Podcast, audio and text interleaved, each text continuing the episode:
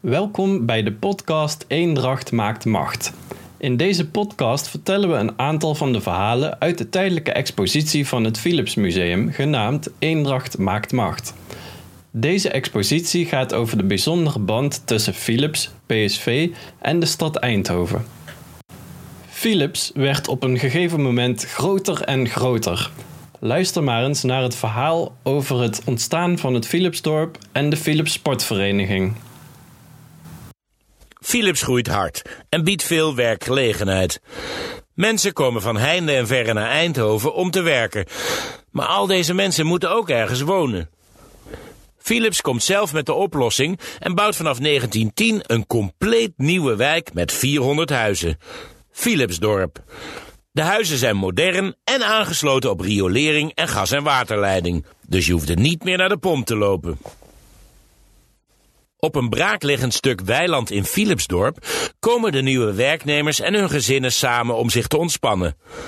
En aan het eind van 1910 wordt hier het Philips Sportpark aangelegd. Precies op de plek waar nu nog altijd het Philipsstadion staat.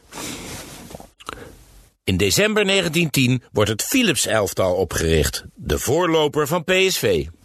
Als klein jongetje van vijf jaar oud doet Frits Philips in 1911 de aftrap van de eerste wedstrijd. Het team speelt in rode shirts met witte biezen en in zwarte broeken.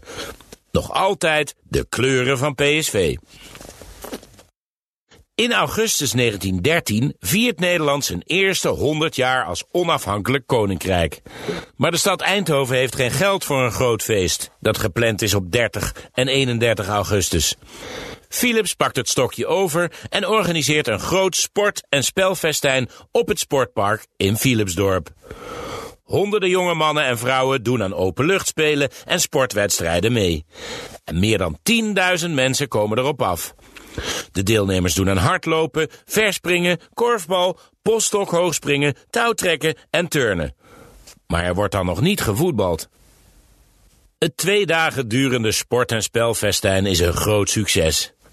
Namens de organisatie spreekt Gerard Erik Bouwmeester de hoop uit dat de sportbeoefening wordt voortgezet en een blijvend karakter krijgt.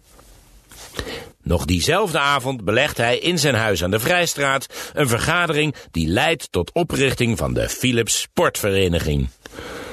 Allerlei sporten kunnen onder de vlag van de vereniging worden beoefend. Vooral atletiek en gymnastiek zijn populair, maar ook voetbal krijgt een plek.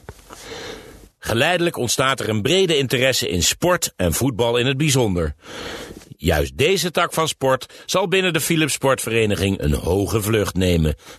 Van elitesport zal het uitgroeien tot volkssport nummer 1.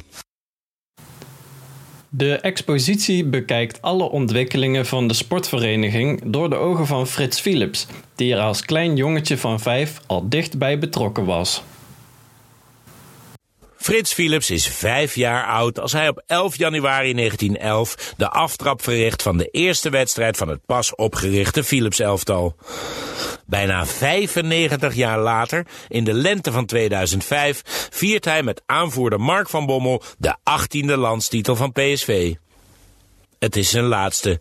Een half jaar later, in december 2005, overlijdt meneer Frits op 100-jarige leeftijd. Zijn leven lang was hij een trouwe bezoeker van de thuiswedstrijden en op latere leeftijd een verbindende kracht tussen de supporters en de club. Tussen 1961 en 1971 is ingenieur Frits Philips president-directeur van het Philips-concern. Hij staat vooral bekend als een inspirerende en charmante persoonlijkheid die mensen en bedrijven weet te verbinden. Tijdens de wedstrijden van PSV neemt meneer Frits gewoon plaats tussen de toeschouwers. Hij wil beslist niet vanuit een business loge achter glas naar het voetbal kijken.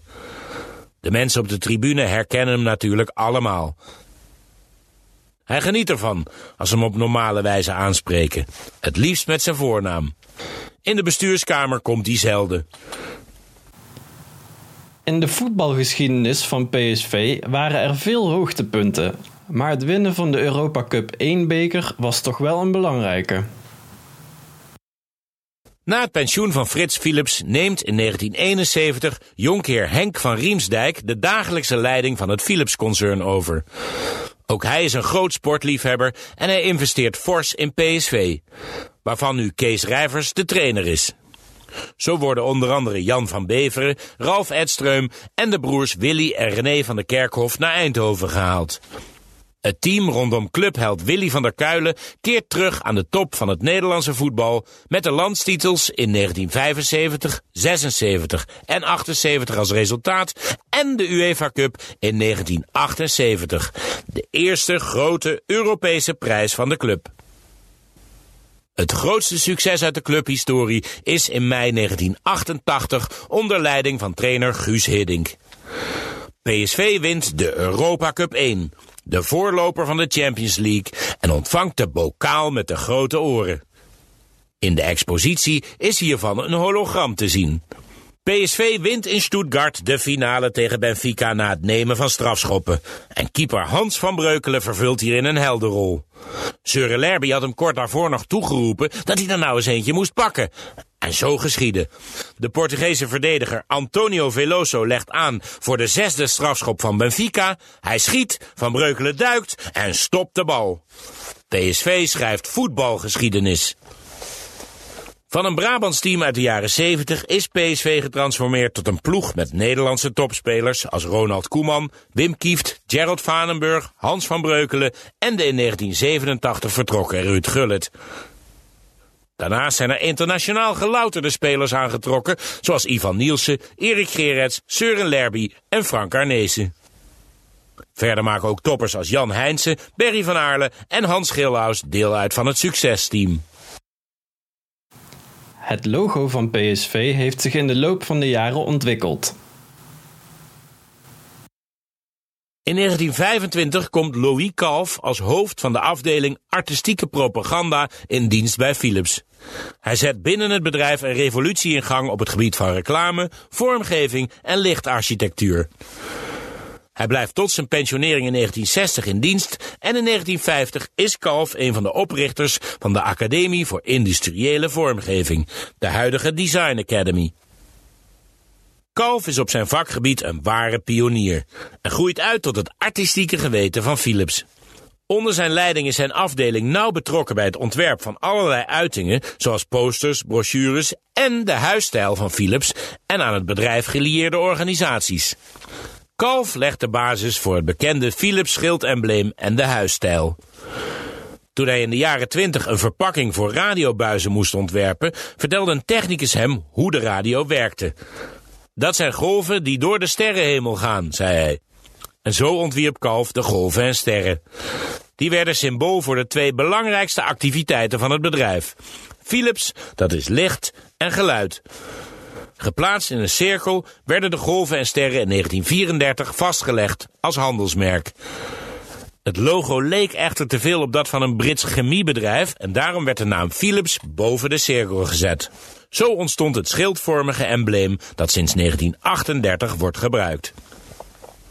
Over de vormgeving van het PSV-logo is minder bekend. Het oudste ontwerp duikt op in documenten en foto's uit 1914. Het tweede, sierlijke ontwerp met de in de cirkel geplaatste gloeilamp toont de verbondenheid met Philips. Vanaf 1933 komt een modern ovaal logo, compleet met clubkleuren en de naam PSV geplaatst in een vaantje. Dit zal tot op de dag van vandaag de basis vormen van het clublogo. De stevige basis die Philips vanaf 1891 heeft gelegd in Eindhoven is een van de uitgangspunten van het innovatieve karakter van de Brainport-regio. Direct na het einde van de Tweede Wereldoorlog richt Frits Philips de Eindhovense fabrikantenkring op. Tegenwoordig zijn in de regio Eindhoven tal van innovatieve bedrijven gevestigd, zoals Philips, ASML, VDL, DAF, NXP, Signify en Newways Electronics. Vanuit de sterke behoefte aan onderlinge samenwerking vinden veel van deze ondernemingen elkaar in Brainport Eindhoven. PSV zorgt voor verbinding tussen de partners van Brainport Eindhoven. PSV zorgt voor verbinding tussen de partners van Brainport Eindhoven. De partijen, waartoe ook supermarktketen Jumbo behoort, richten zich op drie pilaren. Talent, vitaliteit en trots. Met de samenwerking tussen Brainport Eindhoven en PSV is ook de rol van Philips Swim meer zichtbaar. Het bedrijf staat als founder vermeld op de mouw van het PSV-shirt en draagt ook facilitair en financieel nog altijd in belangrijke mate bij aan de club. De basis voor de sterke clubgeest van PSV en het professionele, innovatieve karakter is in de eerste twintig jaren van de clubgeschiedenis gelegd. En nog altijd bestaat er een sterke connectie tussen heden en verleden. Vanwege het sterke DNA van zowel Philips, PSV als de stad Eindhoven is de blauwdruk van toen vertaald naar Brainport Eindhoven. Zo krijgt het motto van PSV: Eendracht maakt macht, extra glans. Dit waren een aantal verhalen uit de expositie Eendracht maakt macht. Alle verhalen zijn te beluisteren in de audiotour van de expositie.